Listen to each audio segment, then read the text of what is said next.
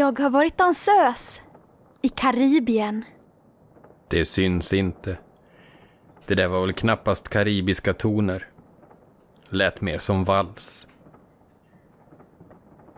Jag har fullföljt en danskurs. På Dansakademin.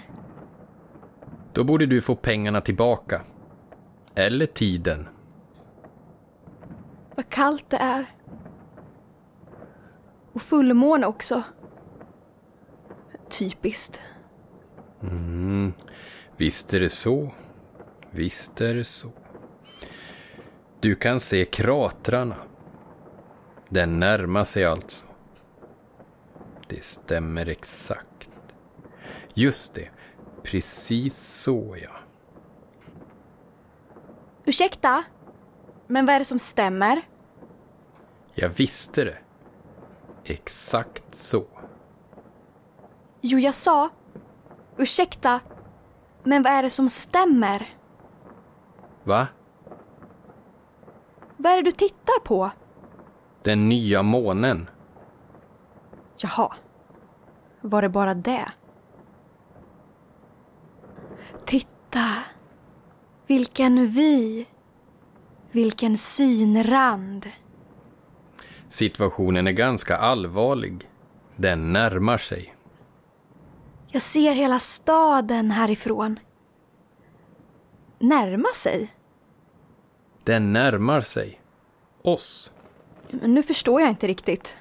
Den nya månen kommer närmare oss. Vad händer då? Ja, vad händer? Den kommer att tränga igenom vår atmosfär. Slå rakt ner mot jordens yta. Det kommer alltså att bli en väldigt storslagen och svulstig klimax. Den stora frågan är hur jag kommer att drabbas av det. Du kan ju försöka föreställa dig vad som händer när den slår ner med all sin kraft mot den uträknade kollisionsplatsen. Tänk dig nedslagskratern. Tänk dig massutdöendet. Det kan vara slutet för mänskligheten vi bevittnar. Det betyder att du kommer att dö. Min far är väldigt gammal.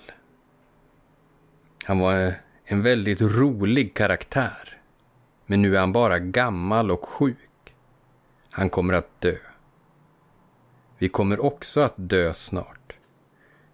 Men inte på grund av att vi är gamla och sjuka eller för att vi är roliga karaktärer. Om vi ens lever överhuvudtaget. Då måste jag skynda mig. Enligt mina beräkningar är det minst 44 minuter kvar innan kollisionen. Eller rättare sagt, av vad vi kommer att uppleva av kollisionen. Vi upplever nämligen inte allt. Då kommer jag inte hinna spela Bingolotto.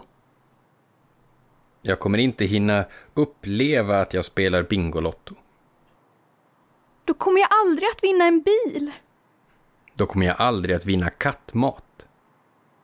Du kan inte vinna kattmat längre. Och nu kan du inte vinna en bil heller. Tänk vad stjärnklart det är.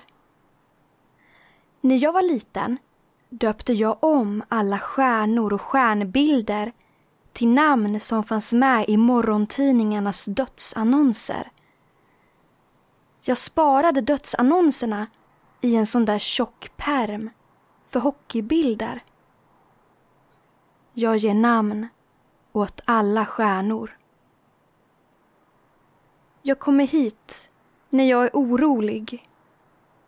Vi kan se varandra här. Naket. Helt stjärnklart. Det lyfter upp mig för stunden. Pappa sa alltid Du kan om du vill. Vad är du orolig för den här gången då? Allt. Jag är orolig för exakt allt. Det låter inte speciellt hälsosamt. Nej, det är inte heller. Jag är orolig för överraskningar. Jag tycker inte om överraskningar. Ändå överraskas jag av allt. Som när det var meningen att vi skulle gå på en utställning vid Framtidsmuseet. Det var en konstnär som ställde ut vaxdockor som skiftade utseenden och beteenden efter hur du ser ut och beter dig. Detta skulle få som effekt att jag som åskådare skulle bli osäker på om jag verkligen var jag och inte att det var den levande vaxdockan som var jag. Men vi åkte och spelade badminton istället. Och jag förlorade. Jag brukar aldrig förlora. Och då funderade jag på om det verkligen var jag som var där och spelade. Eller om vi faktiskt hade åkt till utställningen och mitt egentliga jag hade bytt plats med en av de levande vaxdockorna. Då blev jag överraskad. Och det var obehagligt. Blir du aldrig överraskad? Nej. Inte ens när du fick reda på att månen närmar sig? Enligt mina och andra högt utbildade forskares beräkningar ter sig utvecklingen exakt så som vi har förutsett. Vilket gör att jag knappast höjer på ögonbrynen. Det är faktiskt så att livet alltid blir som jag har beräknat och därför så slipper jag otrevliga överraskningar. Jag kan allt. Vet allt. Jag kan påstå att jag är en mästare om livet. Då kan jag påstå att du är en mästare i att ha tråkigt. Eftersom du redan vet hur allt är och främst hur allt ska bli. Jag kan i alla fall påstå att jag aldrig har roligt. Om det inte är beräknat att jag ska ha roligt. Vilket får anses vara så pass osannolikt att jag knappast kan säga att jag har roligt överhuvudtaget. Jag är författare. Under stjärnklara nätter kan jag skriva i flera timmar. Jag skriver pjäser. Tråkiga pjäser med långsamt utdragen och fragmenterad dramaturgi utan klimax. En gång bestämde jag mig för att skriva den absolut tråkigaste, mest händelsefattiga, melankoliska, monotona pjäsen genom tiderna. Men recensenterna tolkade den som en komedi. Och eftersom att den inte var så speciellt rolig så fick den inte särskilt höga betyg. Så nu har jag bestämt mig för att skriva en så pass rolig pjäs att den blir tråkig. Jag är gift. Min fru, Cecilia, tror att jag är på en konferens vid Siljan. Du kanske kan hjälpa mig? Du, som alltid har så tråkigt. Det har jag inte tid med. Jag är upptagen. Jag är på konferens i Tällberg, vid Siljan. Vi studerar nedslagskraten, Siljansringen. Ett så kallat astroblem. Vi studerar den mycket noggrant inför kollisionen. Jag har inte tid att hjälpa dig. Tid? Vad är tid? Det finns ingen tid. Månen närmar sig. Den är fortfarande på väg. Hittills har alla mina beräkningar varit helt korrekta. Snart kolliderar vi. Jag är väldigt rädd. Håll om mig nu. Så ska vi aldrig vara ensamma mer. Jag är poet också. På helgerna. För väldigt länge sedan tilldelades jag pris för unga debutantlyriker. Sedan dess har jag skrivit fyra lyriksamlingar, men inte vunnit något pris eller tilldelats något kulturstipendium, trots att jag har fått väldigt bra recensioner. Har du läst någon? Vill du att jag ska läsa en av mina bästa dikter?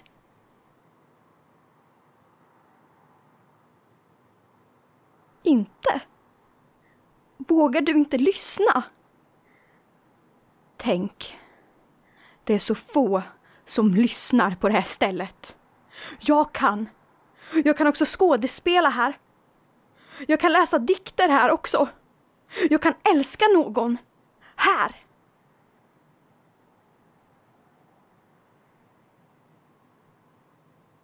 Är du förälskad i någon? Va? Är du förälskad i någon? Din stora förälskelse? Som Romeo och Julia. Tristan och Isolde. Arbetsförmedlingen och a-kassan.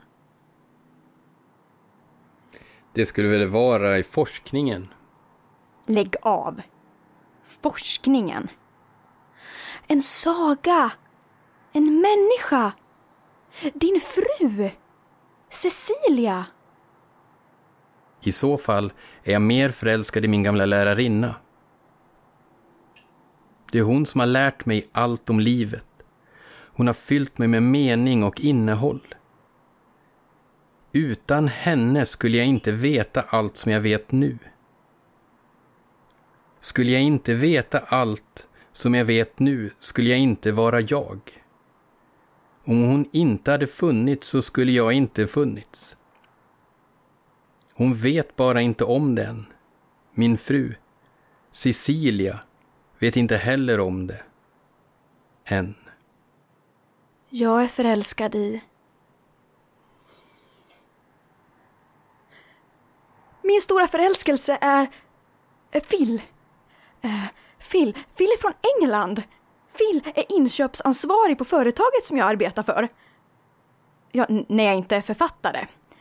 Phil har en fru. Eloise. Samma som Arvingarnas låt. Men, men sen så fick vi en ny säljchef. Taylor. Taylor är inte från England. Taylor är från USA. Minnesota. Taylor heter Lindström i efternamn. Precis som staden, fast utan prickar. Så jag antar att det ska uttalas Lindstrom. Vad dumt. Phil eh, vänsterprasslar med, med Taylor. Och vad vill du? Jag vill vara fri.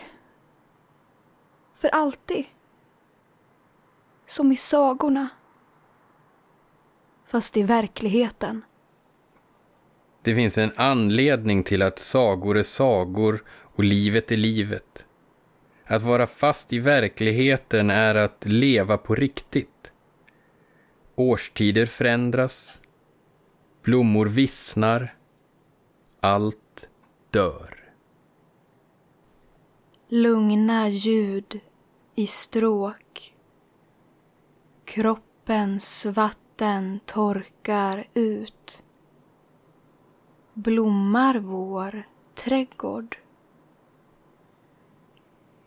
Tänk, så skulle vi mörda Phil och Cecilia och Sven, din son och låta stoppa upp dem.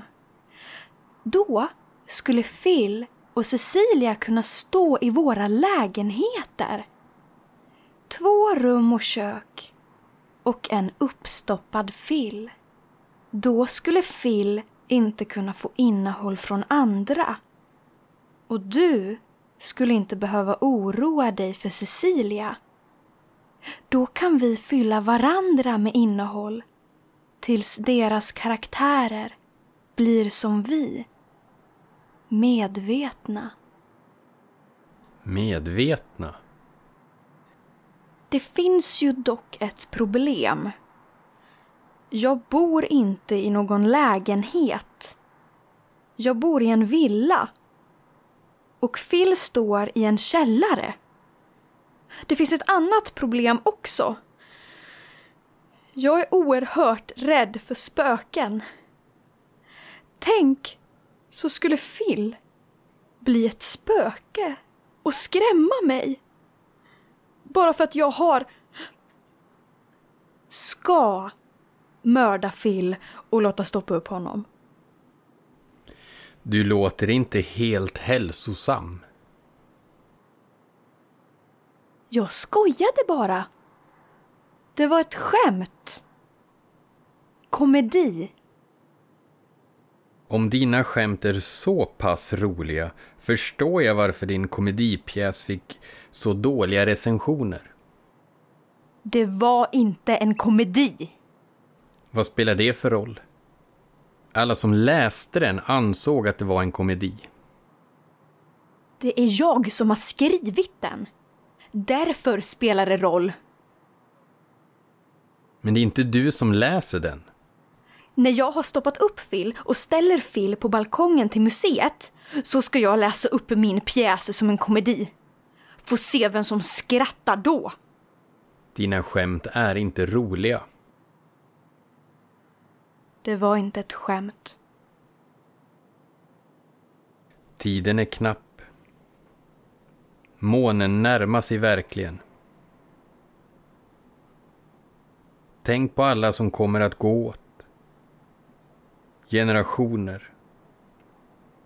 Föräldrar. Människor som flyter ovanpå oss. Tänk vad duktiga människor är som barn. Vi trodde att vi kunde allt. Och vi kunde faktiskt allt. Vi kunde så mycket. Jag kunde spela blockflöjt. Jag blev trött på att spela Telemans svit i A-moll för sopranblockflöjt. Jag gick i flickkören också. Vi lärde oss spela många fina stycken. Gabriel Foarés Pavan Opus 50.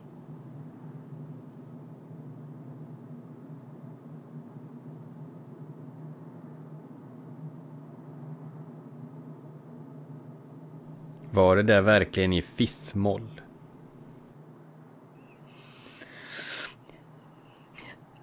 Som du kanske hör så kan jag inte sjunga längre.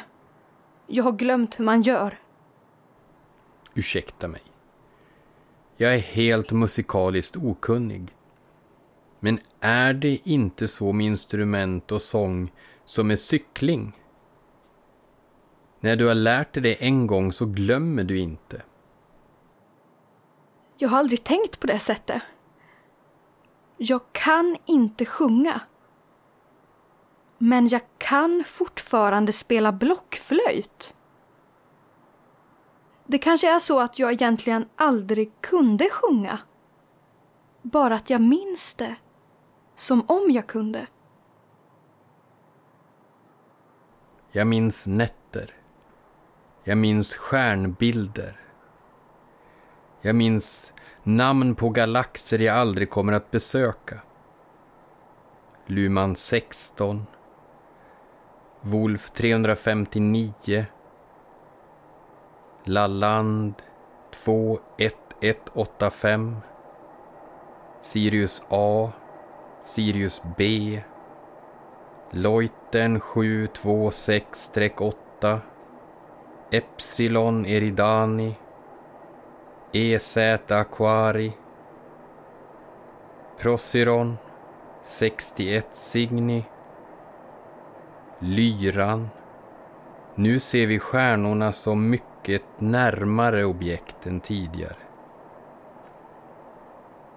Jag har minnen från alla platser. Men jag har aldrig haft något minne av att jag kunnat sjunga. Det var faktiskt en ren slump att jag började i flickkören. Det var en gång efter idrottslektionen. Jag hade dröjt mig kvar för att tala med läraren om min framtid som drillflicka. När jag kom till omklädningsrummet så stod Amanda och duschade. Amanda sjöng Pavan av Gabrielle Fauré. Så vackert.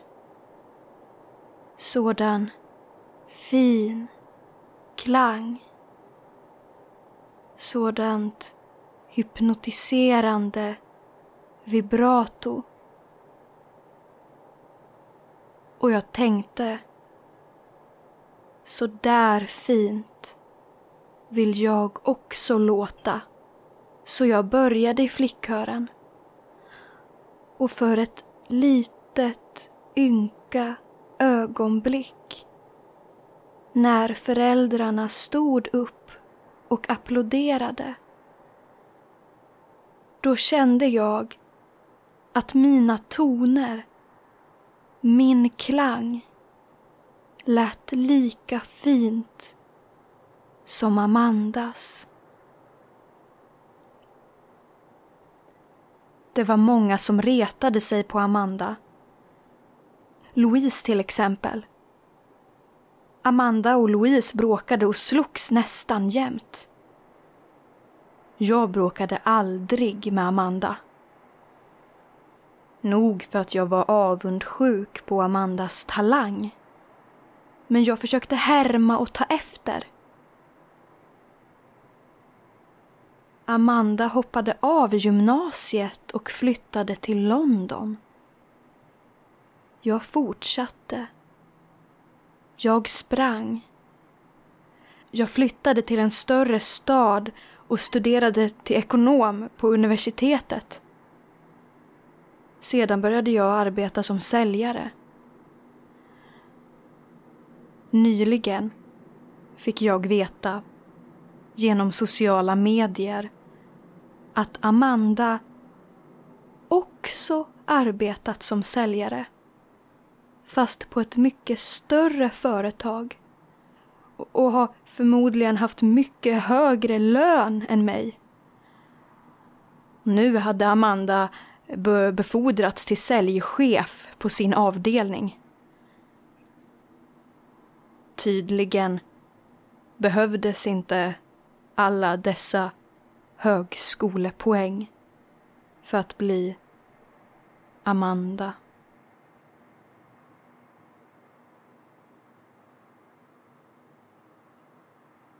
Du tycker inte att jag sjunger fint? Nej. Men det är inte Gabriel Foiré som har skrivit texten, utan Robert de Montesquieu. Det kanske blir bättre med en orkester. Nej, det blir inte bättre. Och nu kommer det väl aldrig att bli bättre. Alla kan inte vara bra på allt. Förutom jag som... Du till exempel. Du till exempel. Jag kan inte cykla. Jag har glömt hur jag ska göra eller så kunde jag egentligen aldrig cykla. Jag minns det bara som att jag kunde. Kan du inte cykla? Nej, inte nu längre. Men som barn kunde jag. Kan du inte cykla? Nej. Men som barn kunde jag. Jag tycker om att se människor cykla. Det finns en rytmisk logik i rörelserna. Jag kan inte heller cykla. Men en gång så skulle jag rymma hemifrån eftersom vi inte besökte nöjesparken Jagland. Då tog jag cykeln. Och jag ramlade och slog i huvudet. Det var väldigt allvarligt och vi fick åka in till lasarettet. Sedan dess har jag alltid haft problem med mitt minne. Jag får ont när jag minns. När jag tänker. Och när jag tänker väldigt intensivt så ser jag över tidsoceaner. Vi kunde verkligen allt när vi var små. Men ju mer vi lär oss, desto mindre kan vi. När du är ett barn tänker du inte på tiden som gick åt. När du blir äldre blir allt som du gjorde glömskans tidevarv. Alla är vi bra på något. Jag är bra på att kunna allt om livet och du till exempel du till exempel du kan ju spela blockflöjt. Jag är en väldigt stark människa. Jag är så pass stark att jag har två gymkort och går till två olika gym. Ett gym går jag till för att må bra och lyfta skrot. Det andra går jag till för att må bra och lyfta mig själv. Du då? Går du på gym? Jag går till psykologen. Hur länge har du gått dit? I 27 år har jag gått till psykoanalys för att må bättre. Mår du bättre?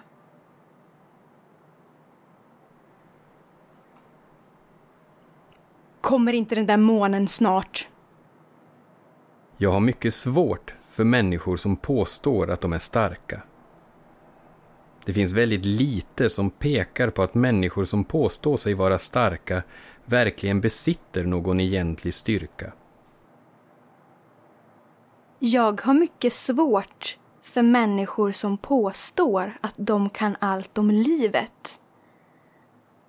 Det finns väldigt lite som pekar på att människor som påstår sig kunna allt om livet verkligen besitter någon egentlig styrka. Det är ingen styrka. Det är mer en svaghet.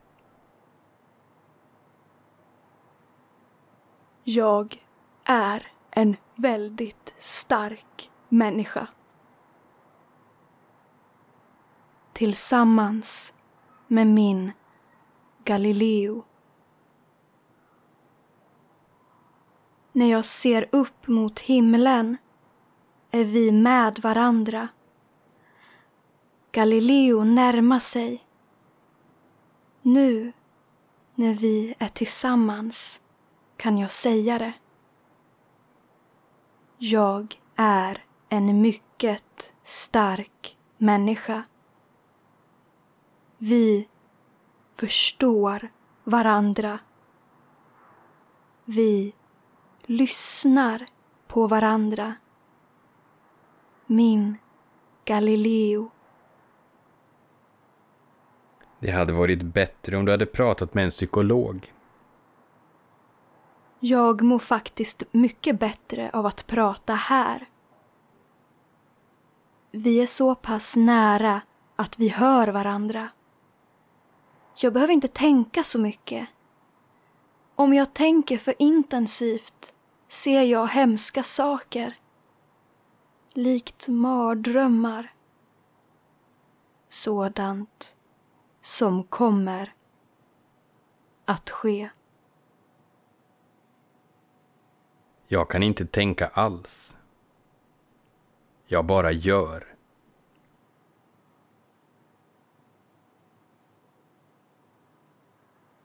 Jag har flera fotografier av dig. Från alla dina smekmånader med din fru.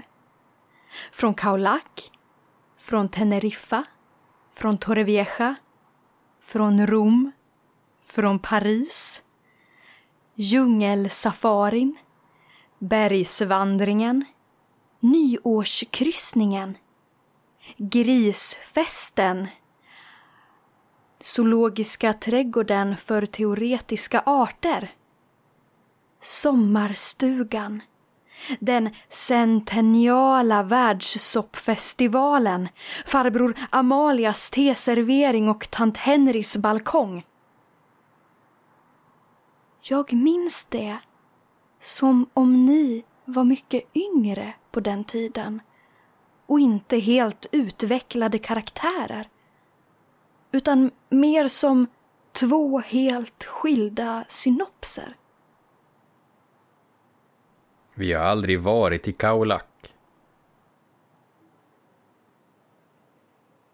Det är därför ni bär andra namn än vad ni har nu och har varit på platser som ni aldrig besökt.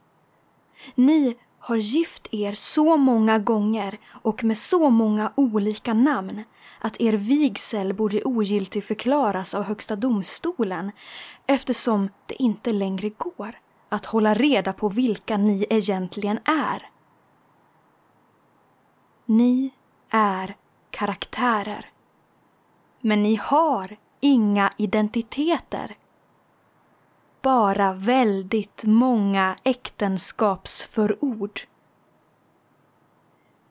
Egentligen har jag alltid velat fotografera bröllop. Men jag har aldrig fotograferat något av era bröllop. Jag är ingen bröllopsfotograf utan en smekmånadsfotograf. Vi var till Rom på vår bröllopsresa. Det var ett stort bröllop. Vi hade väldigt många bröllopsfotografer. Men vi har aldrig haft någon smekmånadsfotograf. Om ni passar på att boka mig till ert nästa bröllop så kan jag erbjuda mig att fotografera på er begravning också. Se det som en bröllopsgåva. Då behöver ni ju inte gå hela livet och oroa er för att det ska vara svårt att hitta en begravningsfotograf som redan är fullbokad när världen går under. Vi ska inte gifta oss. Och vi kommer inte att begravas. Jag och Cecilia kommer att stoppas undan på bibliotek i verk som ingen kommer att läsa. Du säger att du har många kort på mig och min fru. Men nu fotograferar du endast mig. Ensam. Det är för att du är ensam, Hugo. Du har åkt på smekmånad utan din fru. Jag är på konferens. Kalla det vad du vill. Jag är gärna din konferensfotograf eller din smekmånadsfotograf eller som jag tror i detta fall, din undergångsfotograf. Men hyckla mig inte bara för att du har högre utbildning än vad jag har och för att jag vågar säga repliker som andra skrattar åt. Jag är ensam för att jag är på konferens. Cecilia går ensam på after work. Jag går ensam på konferens. Jag är ensam för att ingen vill vara med mig. Jag skulle vilja besöka alla platserna som nämndes. Men inte med mitt barn och framförallt inte med min fru. Och inte på smekmånad. Jag skulle vilja åka till Trastvär och ta ett fotografi av mig. Ett fotografi av mig där jag tar upp så mycket plats att du inte ens ser att det är Trastvär i bakgrunden. Då behöver jag inte ens minnas att jag har varit där. Jag skulle vilja åka till Montmartre och ta ett fotografi av mig. Ett fotografi av mig där jag tar upp så mycket plats att du inte ens ser att det är Montmartre i bakgrunden. Då behöver jag inte ens minnas att jag varit där. Och när jag ändå vore i Paris så skulle jag ta mig till Shakespeare och Company vid Rue de la Bûcherie i Sorbonne och köpa en första utgåva av James Joyce Ulysses och skriva en recension till Dagens Nyheter som blir refuserad. Varför skulle du bli refuserad? För att jag inte kan någonting om James Joyce. Jag har ju inte köpt boken än. Jag har inte... Jag har inte varit i Paris. Det var en dröm. Vilken dröm! Att bli refuserad av Dagens Nyheter. Det är besynnerligt. Jag har aldrig varit i Trastvär eller Montmartre. Men jag har minnen från dessa platser. Från tider innan jag var född. Kommer du ihåg nyårskryssningen? Nej. Inte jag heller. Det är det jag säger. Jag minns saker som jag inte har varit med om. Jag minns att det var en väldigt kärleksfylld kryssning. förälskelse och fyrverkerier. Men jag kan inte koppla detta minne till några som helst känslor inom mig. Jag kommer inte ihåg det. Men jag minns det. Som om alla tider strålar samman. Jag känner igen det där. Harry Martinsson. Vad är tid när det kommer till språk? Vi kommer inte att stanna på den här platsen särskilt länge till. Jag lovar att skicka ett semestervykort från någon obeboelig ö till din tillfälliga postadress. Post restante. Vi får se om språket fått sina klanger åter. Det var Harry Martinsson som skrev det där om att alla tider strålar samman. I Aniara. Sång om Karelen. I Fissmoll.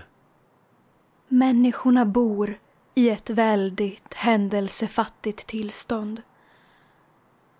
De vet inte om att det finns platser utanför. Platser som har skärmats av från verkligheten. Kollisionsplatser.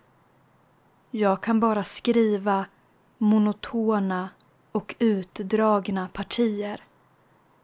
Lika fragmenterade som tillståndet alla lever i. Vi måste starta krig mot vårt eget tillstånd.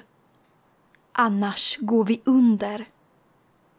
Vi blir dömda att resa på chartersmekmånad till obeboeliga öar. Vi har inte varit i krig på över 200 år. Vi är i ständigt krig. Mot varandra. Totalt meningslösa krig. Vid frysdiskarna om mellanmjölkspriserna, om ekologiska bananer, om identiteter, lottorader, väntetid till studentbostäder, utseendefixering, jakten på den billigaste bensinen, kärnvapenkapprustning, jakten på fridlysta arter, massförstörelsevapen. Vet du vad vi gör istället för att göra vår tillvaro mer beboelig? Vi ställer oss i den långa kön som tros ringla mot det massiva handelskomplexet. Men som egentligen inte leder någonstans. Vi måste handla. Vi måste konsumera. Men främst av allt måste vi stå i kö och acceptera vår tillvaro som den är. Det vore dessutom väldigt ologiskt om den långa kön gick till det massiva handelskomplexet eftersom den då inte skulle sträcka sig över den här stadsdelen. Den leder ingenstans. Ändå ställer sig människorna där. Och det är förbjudet att fotografera. Det är som på en djurpark. Det är förbjudet att mata djuren. Jag har aldrig varit på någon djurpark. Men jag har varit på ett taxidermiskt museum som ligger väldigt långt härifrån. Jag har även varit i naturreservat 3. Det är en liten avspärrad skog det vi var förbjudna att springa i som barn. Jag springer där nu. Ingen bryr sig längre. Jag har aldrig varit i något naturreservat eller på ett taxidermiskt museum. Men jag har stått i kö till väldigt ointressanta sevärdheter. Jag vill vara världsmedborgare resa och studera världens alla kulturstipendiater. Läsa poeter på språk jag inte behärskar. Se Oskar Nienmeyers arkitektoniska mästerverk på nära håll. Jag har studerat Michelangelos fresk Yttersta domen i Sixtinska kapellet med en sådan noggrannhet att jag kan alla penseldrag. Varenda nyans av färgskalan. Men det har jag lärt mig från en obskyr hemsida på internet. Jag har bara sett världen genom reproduktioner. Kopior. Digitala programmeringskoder. Fotografier. Jag har aldrig sett Michelangelos freskmålning med mina egna ögon. Och nu får du inte ens fotografera i Sixtinska kapellet. Michelangelos freskmålning Yttersta domen är inte mycket att se. Jag och Cecilia var till Rom under vår smekmånad. Kapellet har väldigt dov belysning. Du behöver inte bli världsmedborgare för att se världen. Det är på grund av att vi inte är världsmedborgare som vi kan uppskatta världen. Det är väldigt sällan som någonting vi är en del av uppskattas av oss själva. Vi orkar inte se allt det vackra runt omkring oss eftersom vi tror att allt är vackrare någon annanstans.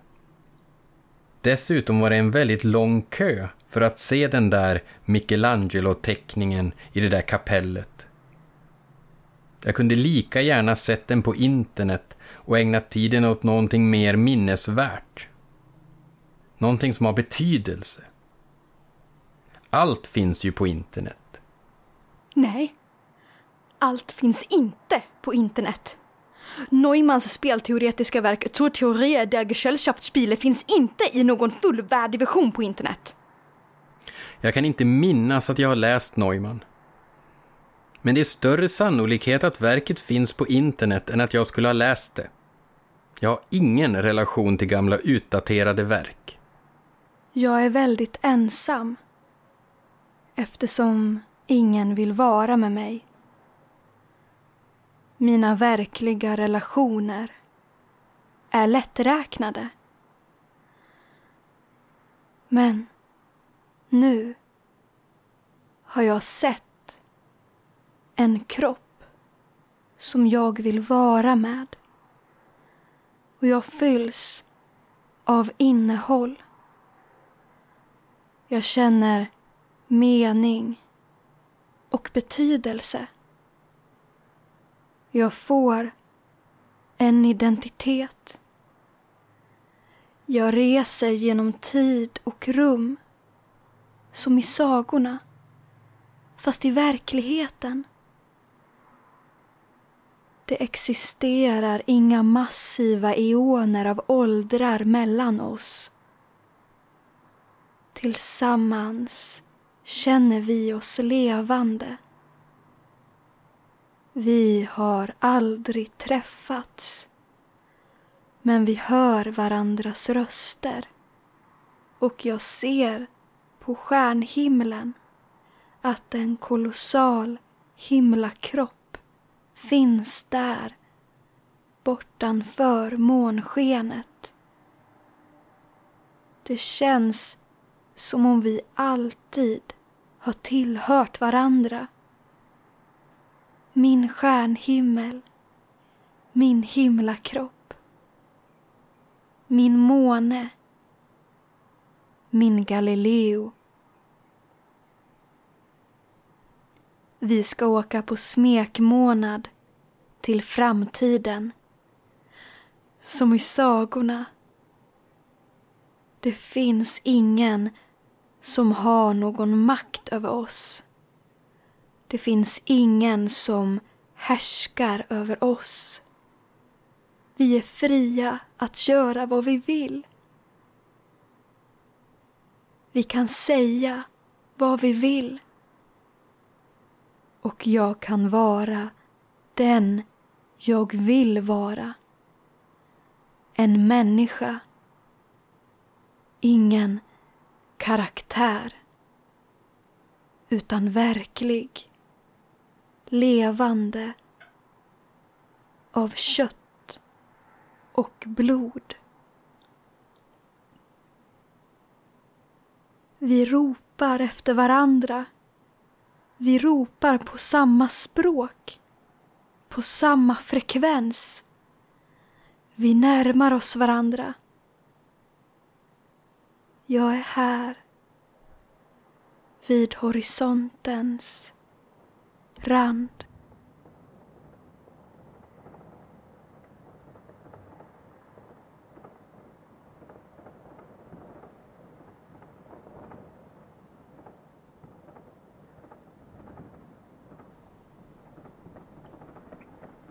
Och Phil?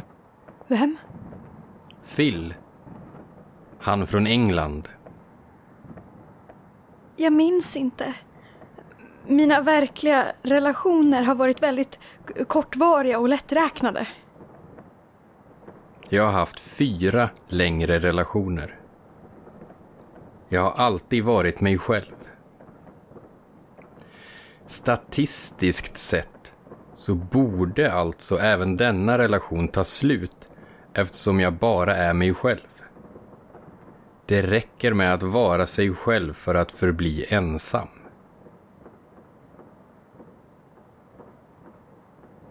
Jag hade en overklig relation med en kille i min klass. Men det var inte jag. Jag var aldrig närvarande. Det var bara en del av mig. Halva mig. Vi var inte lika gamla. Men han var för ung för att fylla mig med innehåll.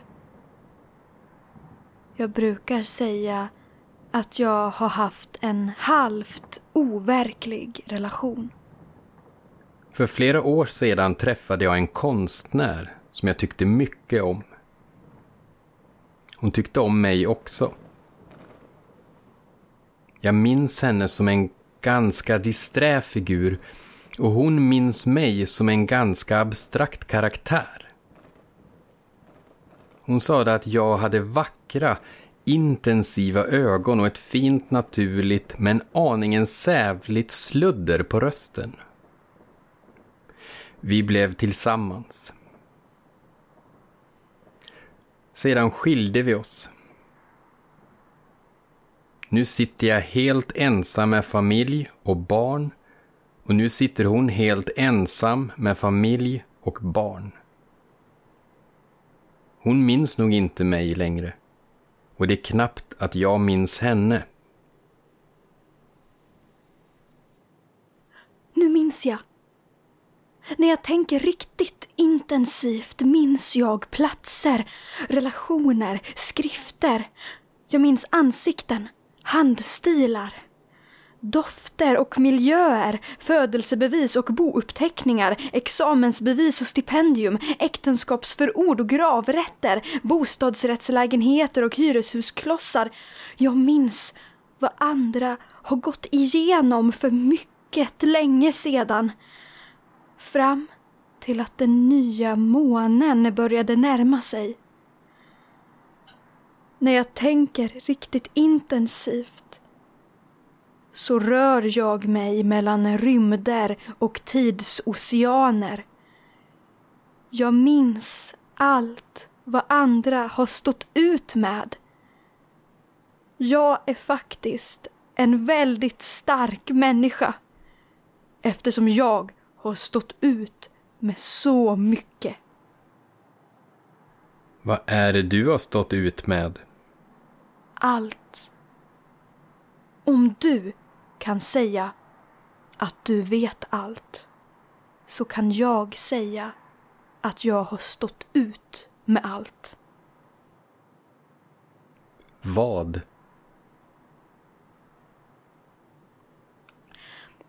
Min katt blev påkörd. Det är många katter som har blivit påkörda. Jag har aldrig varit i Kaulak. Inte jag heller. Jag har ingen fru som heter Cecilia. Inte jag heller. Mina föräldrar är skilda. Inte jag he- Det är många som skiljer sig. Jag vet egentligen inte ens vem som är min biologiska pappa. Det finns många barnhemsbarn och adopterade barn som inte vet vilka deras biologiska föräldrar är. Mamma, som tvingade iväg mig till flickkören. Och pappa, som på sitt håll tvingade mig att inte gå till flickkören. Eller pappa och pappa.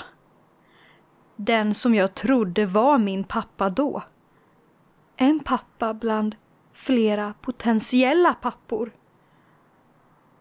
Du har visst en fru som heter Cecilia. Och en son som heter Sven. Cecilia och Sven saknar nog dig. Du vet misstänksamt mycket om mig.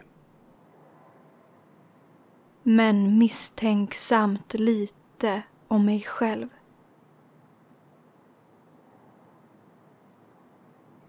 Jag är ingen djup karaktär. Jag är helt utan djup.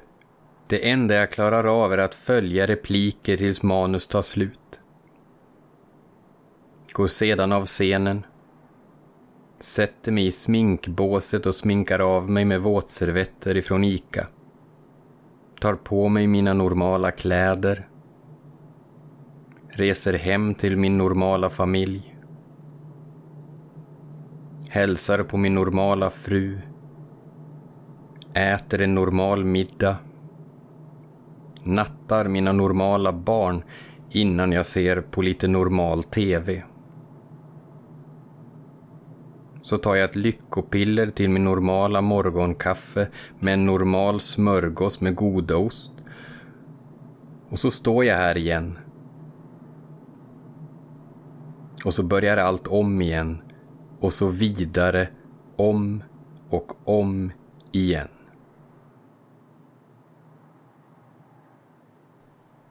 Vad är lyckopiller?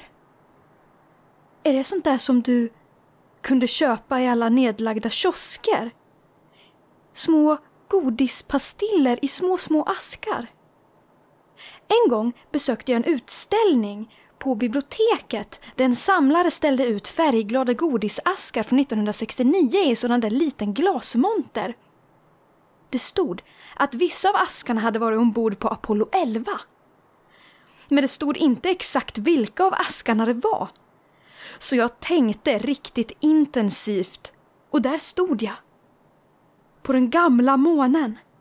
Förstår du? Jag kunde ta mig ända till månen. Väl där kunde jag se askarnas serienummer och när jag var tillbaka på biblioteket så kunde jag avgöra vilka av godisaskarna på utställningen som varit ombord på Apollo 11. Jag blev inte lycklig av att befinna mig på den gamla månen. Den var kall och öde. Helt tom och ihålig. Den hade ingen röst, inga klanger. Endast ett eko av ingenting. Ingen av askarna på utställningen hade varit ombord på Apollo 11. Du köper lyckopiller på apoteket. Är det som paracetamol? Nej, du måste ha det på recept. Blir du lycklig av lyckopiller? Egentligen inte. Varför heter det lyckopiller då? Det heter inte lyckopiller, utan selektiva serotoninåterupptagshämmare. Det låter inte hälsosamt.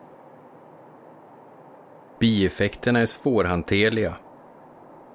Jag får ofrivilliga ryckningar i ansiktet. Varför tar du dem då? Du gör mig till en förvirrad karaktär, Katarina. Vad ska jag föreställa? Jag föreställer ingenting. Jag ropar. Alla ropar, men ingen lyssnar.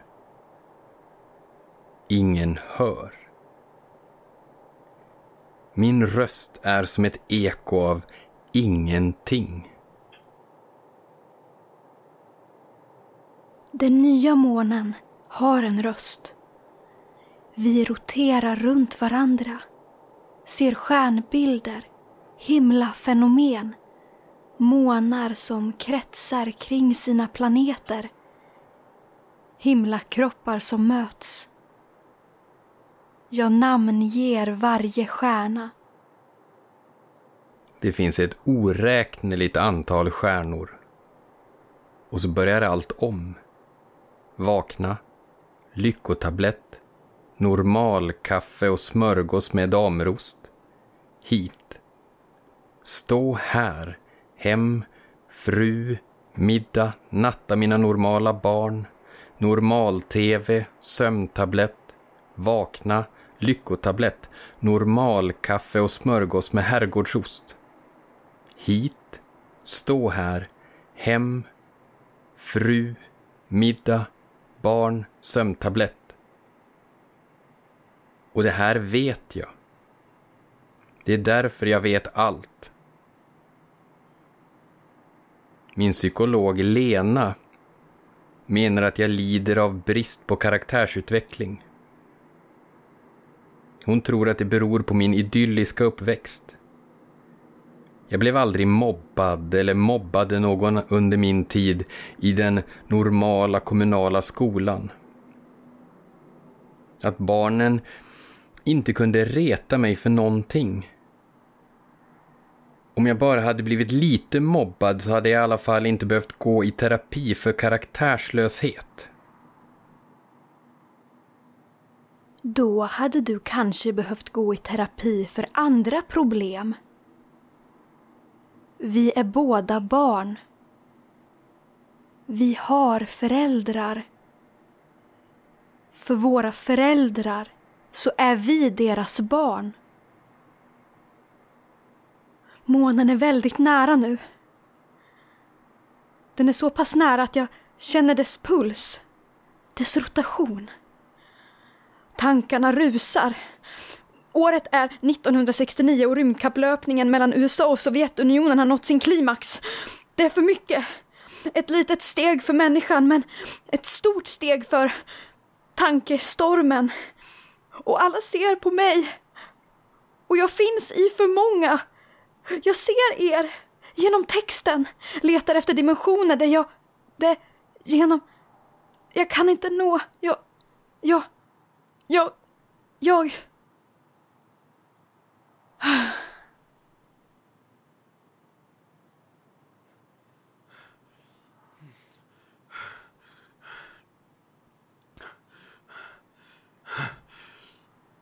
Telegram! Telegram till Hugo! Vem är du? Jag är Tom. Rikets sista budbärare. Jag har sprungit långt. Längs med hela motorvägen. Genom alla väderstreck. Det finns inga bilar. Ingen bensin. Så jag sprang. Och jag såg allt runt omkring mig. Det är svårt att springa när årstiderna skiftar utan logik. Jag såg. Jag såg. Det finns inga människor på vägarna. Träden föds och dör i olika takt. Allting går både långsamt och väldigt fort. Det är svårt att springa mellan punkt A och punkt B när tid och rum inte längre går samman.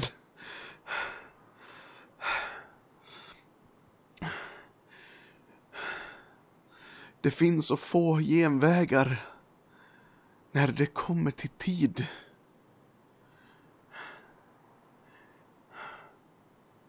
Jag bär på telegram från din fru, Cecilia. Hon, hon visste att du var här och inte på någon konferens vid Siljan. Så jag behövde inte springa ända till Tällberg.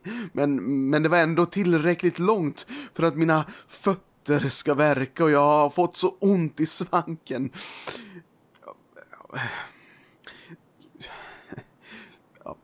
Tyvärr så har jag tappat telegrammet. Ja, jag tror att telegrammet eh, var tappat redan vid starten av min långa färd. Om du inte nu har något telegram, vad gör du då här? Ja, men jag tänkte att du kanske ville svara. Jag har ju ingenting att svara på. Ja, men så många svar som inte har någon fråga. Jag har sprungit långt. Det är mitt arbete. Jag får lön som ska räcka till vitvaror, vardagsluncher, helgmiddagar, en flaska vitt, en flaska rött, en identitet och fredagsmys, bingolotter, arvoden för läkarbesök och lax och råvaror, teaterbiljetter. Nej men titta. Jag hittade telegrammet. I, i fickan.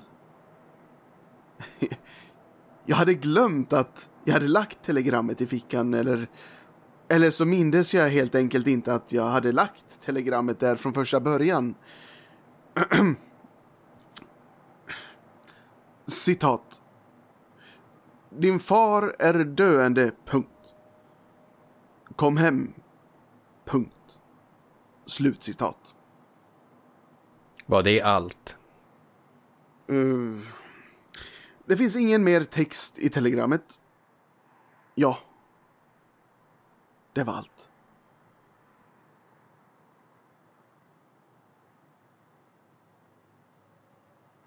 Min pappa, Hans, har varit sjuk väldigt länge. Han var en väldigt rolig karaktär. Men nu är han väldigt gammal och sjuk. Han var skådespelare redan på stumfilmens tid. Han var statist i Det regnar på vår kärlek med Siv Rud. Han spelade i komedier. Han åkte över till Amerika och sjöng I keep her picture hanging upside down med Jerry Lewis hos Ed Sullivan. Och han spelade in en radiopjäs för CBS Mystery Radio Theatre med Bela Lugosi. Filmen Grisfest Svensken ser rött. Bästa manliga huvudroll. 1968. Recensenterna tyckte att han borde ha fått priset redan för den första Grisfest Svensken-filmen eftersom karaktären var så rolig. Du är också en rolig karaktär, Tom. Bär bud åt människor som du inte känner för att du blivit tillsagd att springa. Likt ett eko av ingenting. Spring till min far. Hälsa honom att jag är upptagen. Att jag inte har tid att träffa honom. Att vi har upphört att existera för varandra. Far ska dö nu. Han ska verkligen dö. Skicka mina varmaste gratulationer. Ge mamma ett gratulationskort och lite girlanger. Hälsa min fru att konferensen blev flyttad och att jag kommer hem. Så småningom.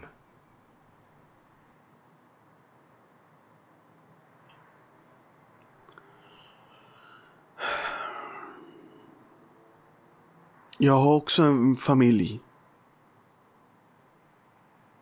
Pappa. Pappa kommer hem. Så... Eh, så småningom. Vilken olustig känsla det var. Det spred sig i hela kroppen. En kroppslig epidemi. Jag kände mig iakttagen. Jag såg verkliga människor som stirrade mot mig. Jag tänkte att om jag blundade så skulle alla dessa mänskliga blickar försvinna. Men genom tankestormen kunde jag se deras verkliga ögon. Mörka och intensiva. Jag tänkte att om jag stod helt stilla, om jag stod stilla tillräckligt länge, så skulle människorna gå hem. Men tankarna rusade så fort. Jag fick för mig att eftersom människorna var verkliga så var inte jag verklig. Att jag skulle aldrig kunna bli verklig och levande. Att jag aldrig har varit en människa. Att jag aldrig har varit ett barn. Endast en karaktär. Jag tänkte så intensivt på att jag vill bli verklig. Att jag kollapsade. Jag tänkte så intensivt på att jag vill bli levande. Att jag kollapsade. Men plötsligt kände jag en närvaro som fyllde mig med innehåll och värme. Lyfte upp mig med mening och närhet. Jag återupplivades. För för tillsammans är vi levande. När våra föräldrar dör är vi inte längre någons barn. Mina föräldrar, på pappas sida, har utvandrat från en liten by in till storstaden. Sen flyttade min pappa som, som, barn till en ännu mindre by som ligger längre bort ifrån storstaden än vad den lilla byn hans förfäder bodde i låg. Nu ligger vi på minusutvandring. Du kan nästan säga att vi har gått bakåt. Men vi rör i alla fall på oss. Kanske inte lika långt som till Lindstrom, Minnesota. Jag är inte någons barn längre. Min far var en väldigt rolig karaktär. Han ska dö nu. Han ska verkligen dö. Och min mor får ett gratulationskort och girlanger. Du är också en karaktär, Katarina. Månen är väldigt, väldigt nära nu. Jag känner hur jordens yta börjar vibrera av rädsla. Kvicksilvret stiger längre upp. Det springer nästan. Men vi står stilla. Vi ser unika himlafenomen. Stjärnorna rusar. Stjärnbilderna ändras. Jag ger namn åt alla stjärnor. Titta! Där är du.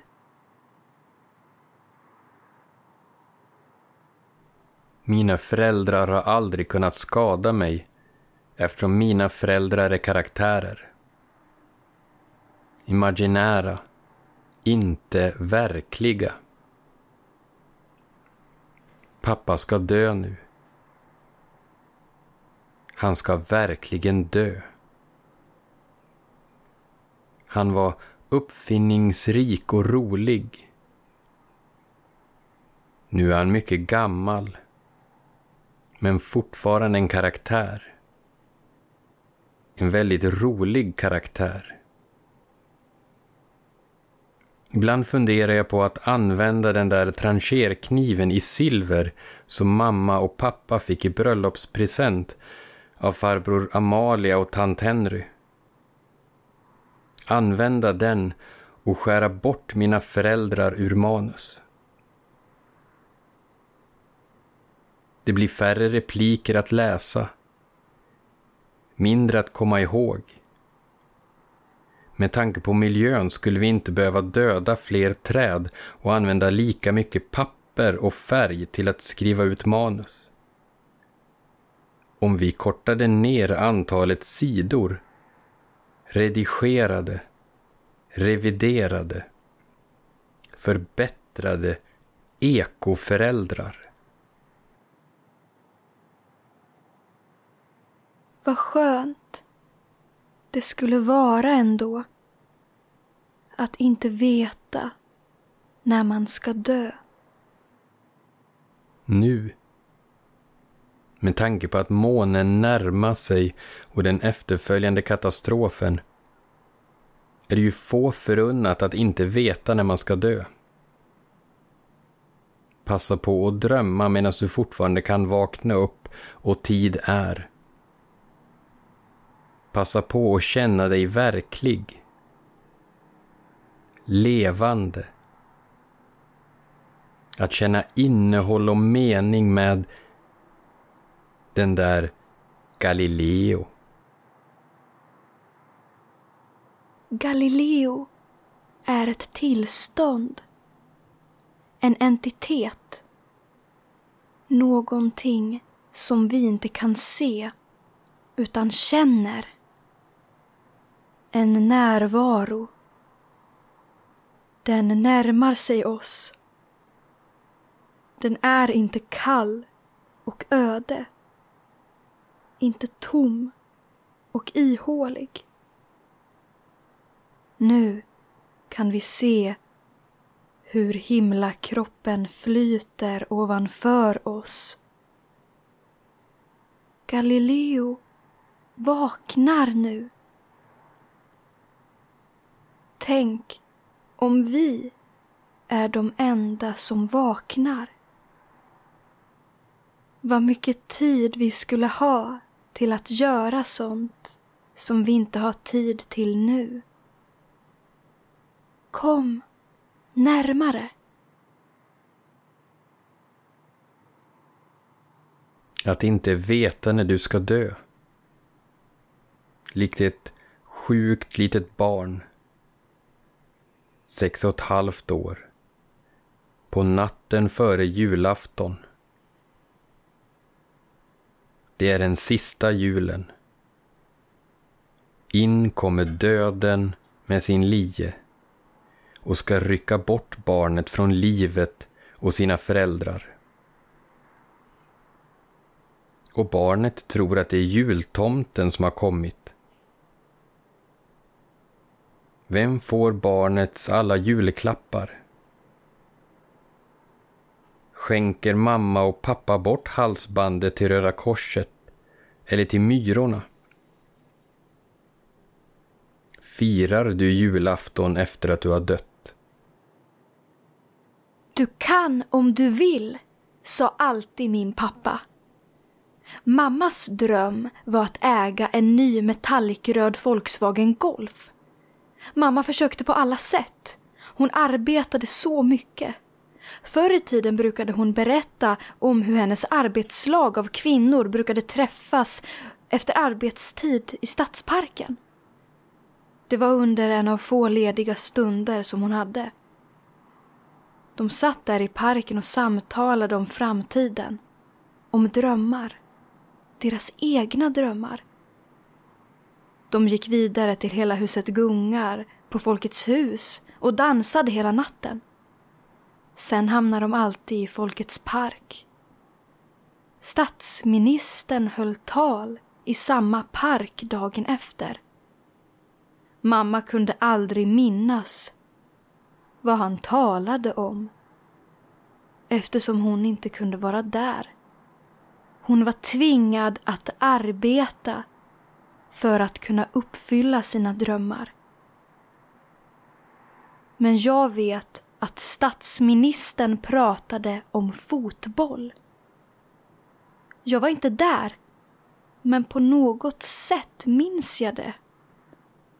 Det finns så mycket att minnas om du får tid till att uppleva ett liv utanför arbetet.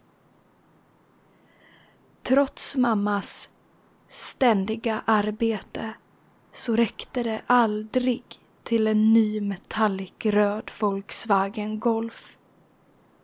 Trots hennes hårda slit med sitt arbete kunde hon inte uppfylla sina drömmar. Mamma fick nöja sig med att köra en begagnad Ford Escort trots att hon inte ville. Om hon inte hade haft drömmar kanske hon hade arbetat mindre och hunnit uppleva mer. Nu, när hon inte längre kan arbeta, så har hon ingenting att minnas tillbaka till. Och hennes dröm kommer aldrig att gå i uppfyllelse.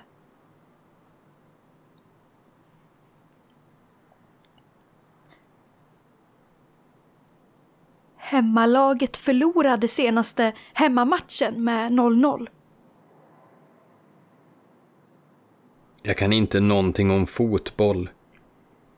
Men jag förstår att det krävs en väldigt specifik, extraordinär typ av pessimist för att påstå att laget förlorar en match med ett lika resultat. Det spelar ingen roll om det är remi i schack eller oavgjort i fotboll. Ingen vinner. Ingen förlorar. Poängen är att ingen vinner. Mamma fick aldrig råd med en ny metallicröd Volkswagen Golf, hur mycket hon än arbetade. Ändå fortsatte mamma att arbeta och arbetslagets möten i parken blev allt färre. Till slut hade hon aldrig ledigt. Hon arbetade hela tiden. Ljusfenomenen på himlen har slutat nu. Det är lite lugnare. Men den nya månen kommer fortfarande närmare. Jag är en ganska trevlig människa. Bara du lär känna mig.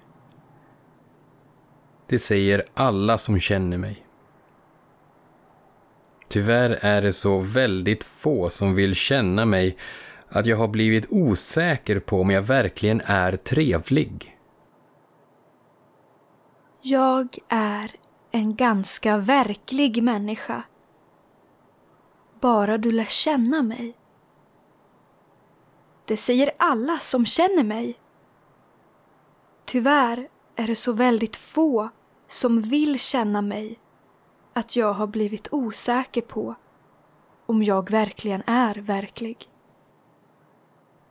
Jag ägnade mig åt det stilla nöjet att gå igenom det som kommer att bli min kvarlåtenskap efter att jag inte längre springer runt här.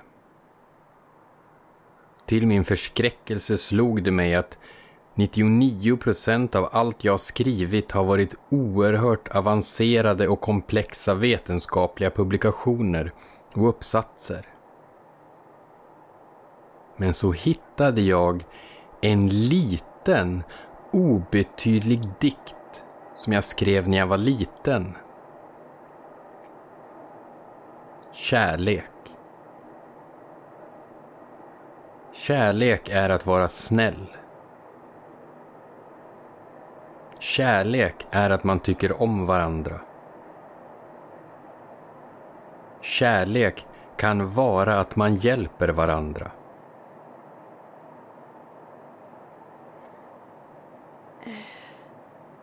Den var väl inte speciellt bra? Nej. Inte alls. Men den är enkel att förstå i sin banala simpelhet. Den är så långt ifrån det akademiska språket du kan komma. Långt ifrån avancerad syntax och komplicerade språkstrukturer. När utgrävarna hittar den tidskapsel som ligger under Kungliga biblioteket och läser mina vetenskapliga verk så kommer ingen av framtidens vetenskapsmän förstå det uråldriga språket svenska. Genom att använda den simpla texten i dikten så kan den användas likt en nyckel för att låsa upp koden. Den avancerade svenskan kan endast återuppstå genom dessa simpla små banala stycken. Då kommer svenskan än en gång förstås istället för att vara en obeboelig ö. Från det simpla till det komplexa. Det blir min kvarlåtenskap. Jag är rädd för att bli uråldrig. Men jag är inte rädd för tystnaden. Jag vill vara levande. Inte en obeboelig ö. Jag är ensam eftersom ingen vill vara med mig. Jag är obeboelig. Ingen vill att du ska vara ensam. Du vill inte att jag ska vara ensam. Är du rädd för att bli gammal? Inte nu längre. Om du har tänkt skära bort dina föräldrar ur manus med en trancherkniv i silver från farbror Amalia och tant Henry så är du nog inte rädd för någonting. Du ska inte ta allt bokstavligt. Det var en allegori. Allegori? En liknelse. Se det... Se det som ett skämt. Du vet, komedi. Det som du är så duktig på. Jag är inte rädd för att dö. Men jag är rädd för att andra ska bli gamla. Gamla och sen försvinna. Dö. Människor som har varit fulla med liv. Människor som blir till karaktärer. Skal utan innehåll. Ekon av ingenting. Månen närmar sig. Om du hade skrivit det så hade det blivit en fars. Om jag hade skrivit det så hade det blivit en kampsång. Du är en rolig karaktär. Men vågar du vara allvarlig? Tiden för allvar är slut. Tiden för komedi är slut.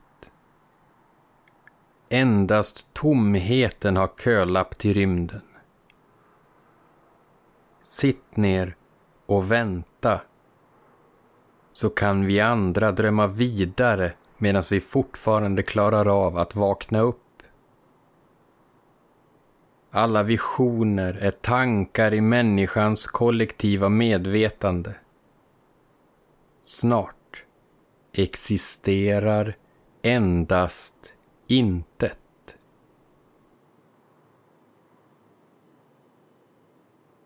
Medvetandets ström som mänskliga rörelser är tomhetens rymd. Intet bärgar tid.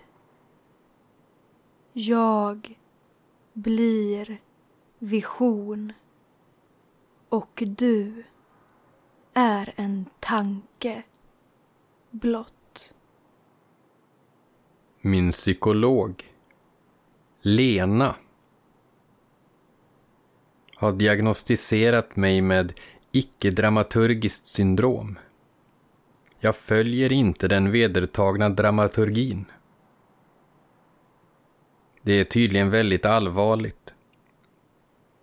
Jag har använt Stanislavski-metoden. Jag har gått på Brecht-terapi. Jag har sagt mina Meissner-repetitioner.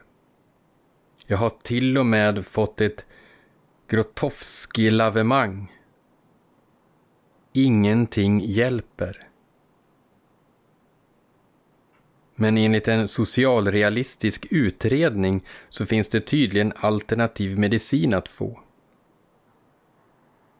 Problemet är att då gäller inte högkostnadsskyddet eller frikortet och jag kan inte ta mer från Svens barnbidrag.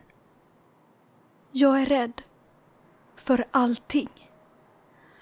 Spindlar, flugor, myror, charterresor till solen, reguljärflyg över Atlanten, soluppgångar, fjärde väggen, skilsmässohandlingar, animerade pyrotekniska effekter, anställningsbevis, universitetsansökningar. Jag har alla fobier som finns. Men att månen närmar sig är inte en av alla dessa fobier. Dessutom lider jag av en väldigt komplicerad identitetskris. Det är väldigt allvarligt. Det är svårt att ha råd med identitetshandling. Min identitet är så pass dyr att min bruttoinkomst inte räcker till den identitet som jag vill ha. För du kan inte åka och handla en identitet på Coop eller ICA och få bonuspoäng. Utan du måste åka till Skatteverket och Polismyndigheten. Men Skatteverket och Polismyndigheten tror inte att porträttbilden på min identitetshandling föreställer mig eftersom den identiteten som finns på identitetshandlingen inte överensstämmer med den identitet jag upplevs att ha i verkligheten. Jag kan inte få ut något personbevis som kan bekräfta att jag verkligen är jag. Och kan jag inte få ut något personbevis som kan bekräfta att jag verkligen är jag så kan jag inte ansöka om identitetsbidrag. Och kan jag inte ansöka om identitetsbidrag så kan jag inte ha den identitet som jag verkligen vill ha. Det är mycket enklare att handla en liter mellanmjölk och en färdig skuren Skogaholmslimpa än att handla en identitet. Speciellt om det är den identitet som du verkligen vill ha. Det är Cecilias tur att ta hand om Sven den här helgen. Jag visste inte att ni hade skilt er. Det har vi inte. Inte alls. Hon är med Sven och jag är på en väldigt viktig konferens vid Siljan. i närheten av Tällberg. Där har forskarna hyrt en gård som har blivit iordningställd just för detta tillfälle. Vi studerar Siljansringen innan kollisionen. Det är en nedslagskrater, Europas största nedslagskrater. Ett så kallat astroblem. Vi försöker att förutse skadorna som kommer att ske på jorden när den nya månen kolliderar. Det är en väldigt viktig konferens.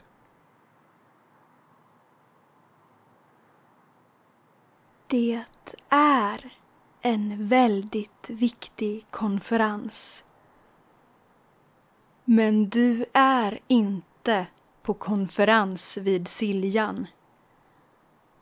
Jag skulle inte påstå att du är i närheten av någon för tillfället i ordning ställd gård i Tällberg eller ens i närheten av en konferens. Du är här, hos mig, i min närhet, på min kollisionsplats. Det är väldigt viktigt. Men jag är ingen konferens. Tyst nu. Jag måste studera den nya månen. Den närmar sig. Tysta inte ner mig. Jag är levande. Du är inte levande. Du är bara en karaktär och snart kommer du att försvinna för gott tillsammans med hela mänskligheten. Har du inte konstaterat att det närmar sig redan? Min psykolog, Lena, säger att jag lider av prologimitis. Jag upplever allt som en prolog till någonting annat som ännu inte har varit. Alltså når jag aldrig till en slutpunkt. Det är ett symptom av mitt icke-dramaturgiska syndrom. Det är väldigt allvarligt. Det finns tydligen medicin för sånt, men då gäller inte högkostnadsskyddet eller frikortet. Och jag kan inte ta mer från bostadsbidraget. Varför måste du studera något som du redan kan konstatera? Jag måste se om den kommer att kollidera enligt mina beräkningar. Skulle inte det vara tråkigt? Det som skulle vara tråkigt vore om den inte följde kollisionsberäkningarna utan avviker. Skulle det inte vara roligt om den nya månen överraskade oss och kolliderade med Mars istället? Det skulle jag se som mycket osannolikt. Vem vet mest om livet? Den som redan vet allt eller den som låter sig överraskas av allt? Den som vet allt är självklart den som vet mest. Det låter tråkigt. Det är inte alltid roligt. Se på Tom, budbäraren. Han springer tills han får ont i fötterna och svanken. Snart bär inte hans fötter honom mer. Då kan han inte springa längre. Vad gör han då? Han har knappast speciellt roligt nu och han lär ju inte få det roligare efteråt.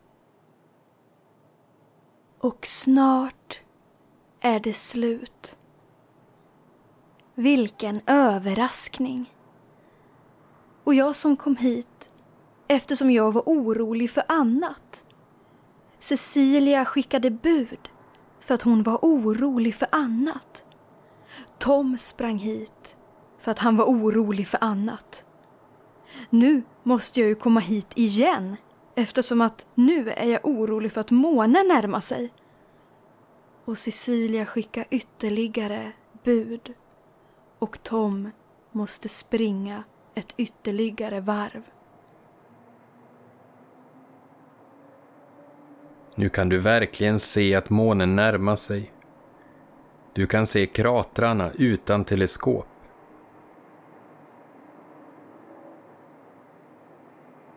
Jag är en väldigt stark människa. Eftersom någon annan har skrivit att jag är det. Jag vet egentligen väldigt lite om min barndom eller om mina föräldrar eftersom det inte är jag som har skrivit.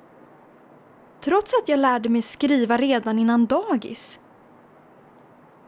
Det är sant att jag improviserar en del.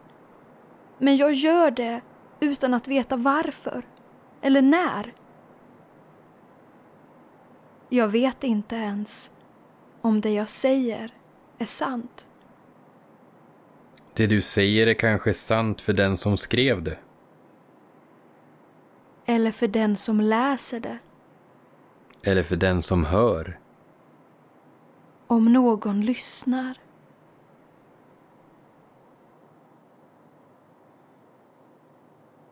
Jag är ingen djup karaktär. Eftersom jag endast klarar av att följa repliker som någon annan har skrivit åt mig. Och sen tar manuset slut. Men jag är en väldigt stark karaktär som redan innan vet slutet och början. Men jag är en svag människa. Jag är en väldigt stark människa. Men jag är en väldigt svag karaktär. Jag tycker inte om när det är tyst. Det gör mig nervös. Enligt scenanvisningarna ska jag känna ångest vid vissa typer av tystnader. Därför klarar jag aldrig av att se en pjäs av Beckett. Det är för många tysta partier som är allt för långa.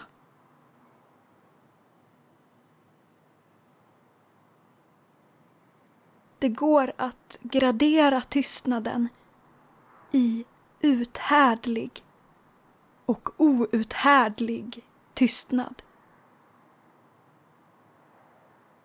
Du kan väl inte jämföra tystnader med varandra? Jag drabbades av en panikångestattack en gång. Jag väntade på tåget och då började jag fundera på varför jag sitter här på perrongen och väntar. Men jag hann aldrig tänka klart. Den mänskliga konduktören hjälpte mig in. På tåget kunde jag inte förstå varför just jag satt på tåget. Till slut fick jag hoppa av vid närmaste hållplats. Jag kunde inte förstå vad jag gjorde där heller och hur jag hade tagit mig dit. I mitt förvirrade tillstånd lyckades jag ta mig till en teater. Jag ville inte leva som en karaktär i en pjäs utan i verkligheten. En människa kom ut och jag bad människan att ringa till Kungliga Dramatiska Teatern. Jag ville tala med en dramatiker, eller i värsta fall en dramaturg. Jag ville inte tala med någon psykolog på psykjouren. Människan ringde 112. Efter en ambulans.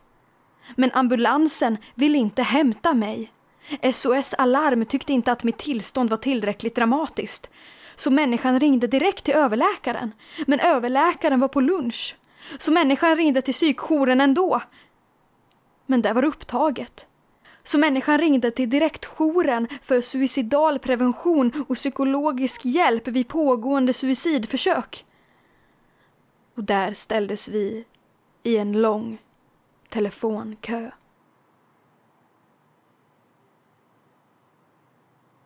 Har du drabbats av panikångest någon gång?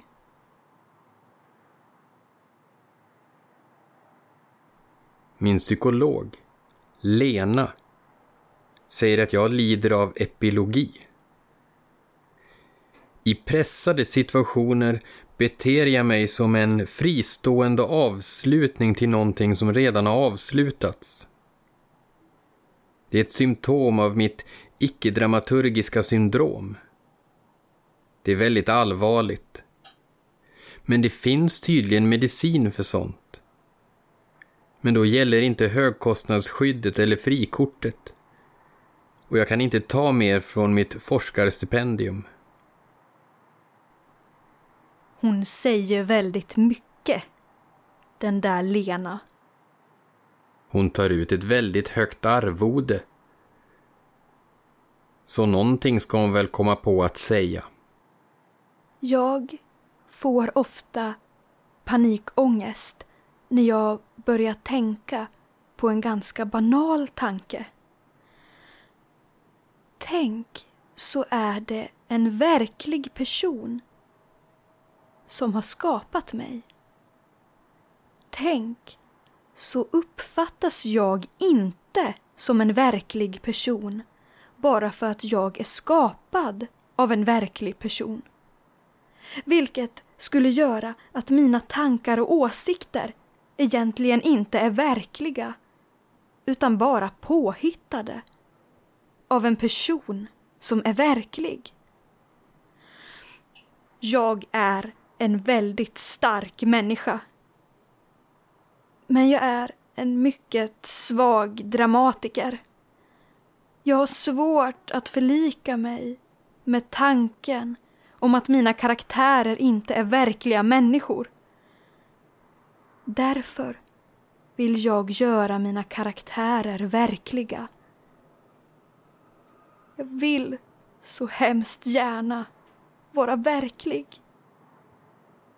Månen närmar sig verkligen. Jag vill. Jag vill. Jag vill! Du kan om du vill. Så sa alltid min pappa. Jag vill bli av med min fru.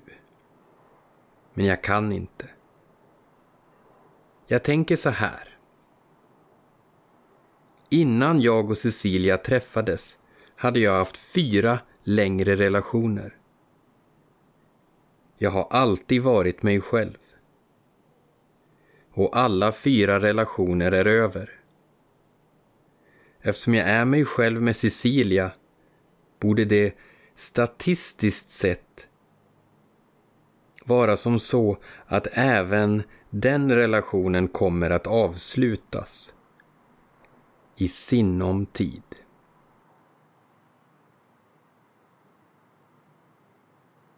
Ingen vill vara med mig.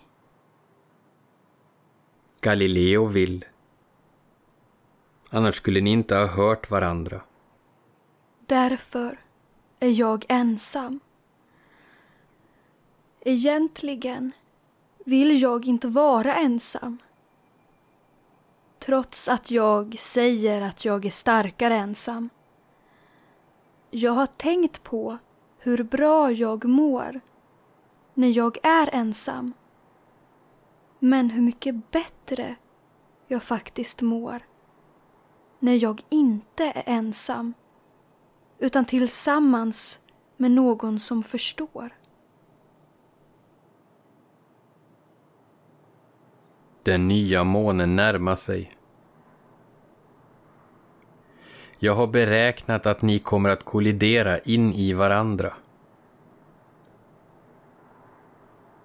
Sen slutar allt att existera. Det finns bara ni. Ni hör varandra eftersom ni är det enda som kommer att överleva. Jag har anmält oss till Stockholm Marathon. Men Phil har problem med att röra sig. Phil rör sig inte alls. Besynnerligt vilka problem du kan få med motoriken när ditt innanmäte stoppas upp med ett innehåll som exempelvis polyuretan. Det hade varit enklare om vi anmält oss till Vasaloppet. Då kan jag ju ställa Phil på ett par skidor och knuffa på. Eller dra Phil efter mig. Du kanske kan ersätta Phil? Nej. Jag tänker inte vara otrogen mot min fru. Cecilia förtjänar inte det. Att springa Stockholm Marathon är väl inte likvärdigt med att vara otrogen? Hur skulle det se ut? Att vara otrogen det sista du gör här i livet? Vem ska titta? Vem ska läsa? Vem ska höra? Vem skulle lyssna? Jag måste tillbaka till min Phil. Phil står säkert i källaren och väntar på mig. Phil är säkert orolig. Phil tror inte att jag är på en konferens vid Siljan. Phil tror att jag har lämnat honom. Men det har jag inte. Jag kommer tillbaka, Phil. Jag, jag har bara tagit en bensträckare. En minisemester.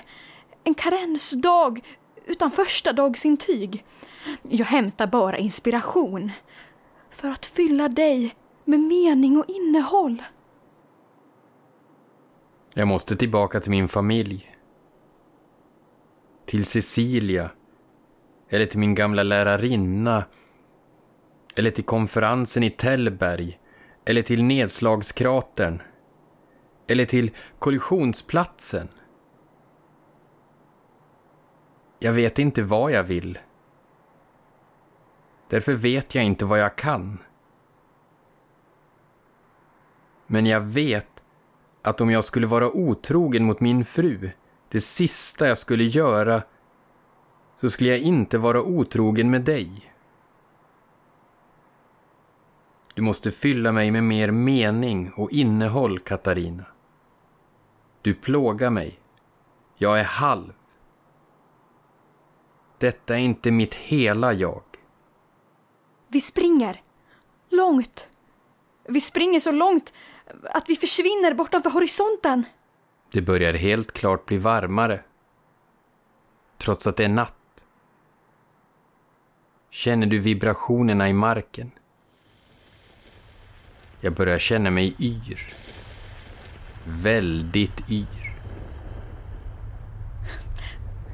Vi kan byta plats. Jag kan stå där med, med beräkningarna och du kan stå här och vara orolig. Jag vet vad jag vill. Jag vet vad jag kan. Jag tänker så intensivt, så intensivt, så intensivt på att jag vill vara verklig och vara närvarande. Så intensivt att jag kan styra allt genom tid och rum, mellan tidsrymder, mellan tidsoceaner, anropar, letar i alla parallella universum, i alla alternativa tidslinjer, letar efter platser, scenarion, positioner, bilder, frekvenser där konsekvenser gjort att vi är med varandra. Jag ser, vi lyssnar efter varandra. Jag talar, säger mina ord, mina tankar och åsikter är riktiga. Jag har känslor för detta minne. Det känns i mina leder, i min, i min kropp. Vi ska stanna där och leva och vara verkliga. Tillsammans. Det måste gå. Det måste gå. Det måste gå. Det kommer att gå.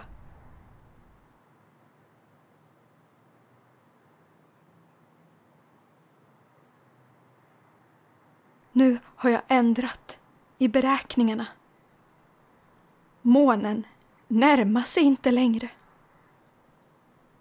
Jag är en väldigt stark människa.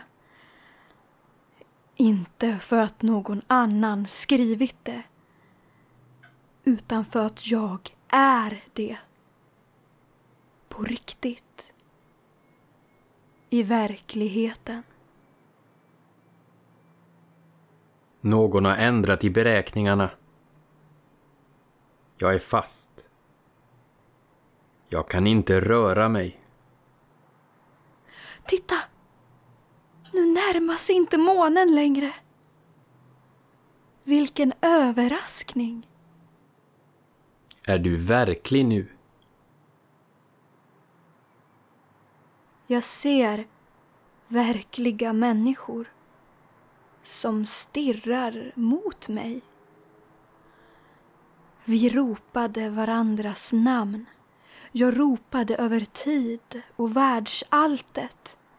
Vi hittade varandra utan att söka. Vi såg, hörde, lyssnade. Vi kände igen oss i varandra. Så länge vi är med varandra där ute så känner vi oss trygga. Jag är inte längre samma karaktär som jag var innan. För märkte ni hur lugnt och stilla allt blev? Och tyst. En uthärdlig tystnad. Nu är jag inte särskilt orolig längre. För så länge vi är tillsammans är vi hemma. Vad var du orolig för innan? Jag minns inte längre vad jag var orolig för innan.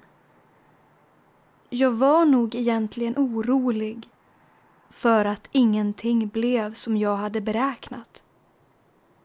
Att jag inte visste vad jag ville. Och att jag inte visste vad jag kunde. Utan jag sprang för att någon annan ville att jag skulle springa. Tills jag fick ont i fötterna. Och svanken. Men så kände jag självklarhet. Kan någon lyfta in mig?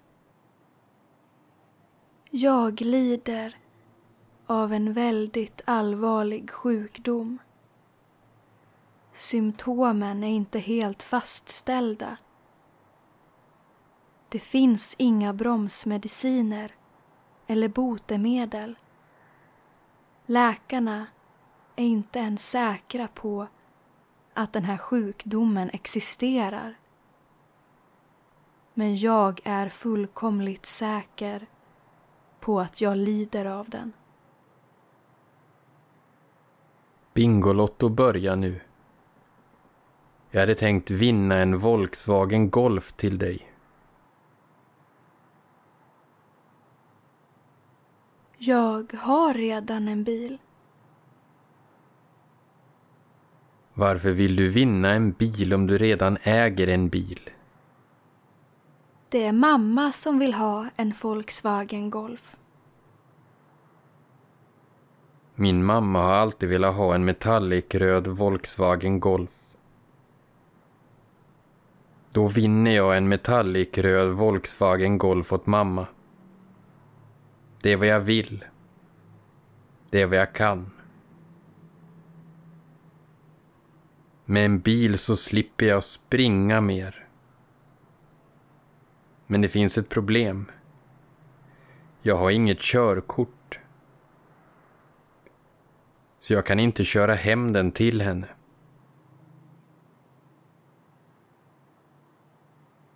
Körkort går inte att vinna på Bingolotto. Ingen springer. Inte nu längre. Snart ser du exakt ut som min Galileo. Vi behöver bara komma hit. Till utställningen. Och stå här tillräckligt länge så att vaxfigurerna kan ta våra utseenden och beteenden ifrån oss. Håll om mig nu så ska vi aldrig vara ensamma mer. Månen närmar sig inte längre. Det finns ingen dramaturgisk anledning för oss att stanna kvar här. Ingen uppbyggnad. Ingen storslagen avslutning. Ingen klimax. Ingen konflikt. Bara vi två. Vi går av scenen. Jag stannar här en stund till. Vi måste vänta på varandra. Vi måste vänta på att den andra kommer hem. Vi kan vara hemma tillsammans. Med varandra. Det är ett nytt tillstånd. Under tiden lyfter vi upp oss själva ett litet tag till.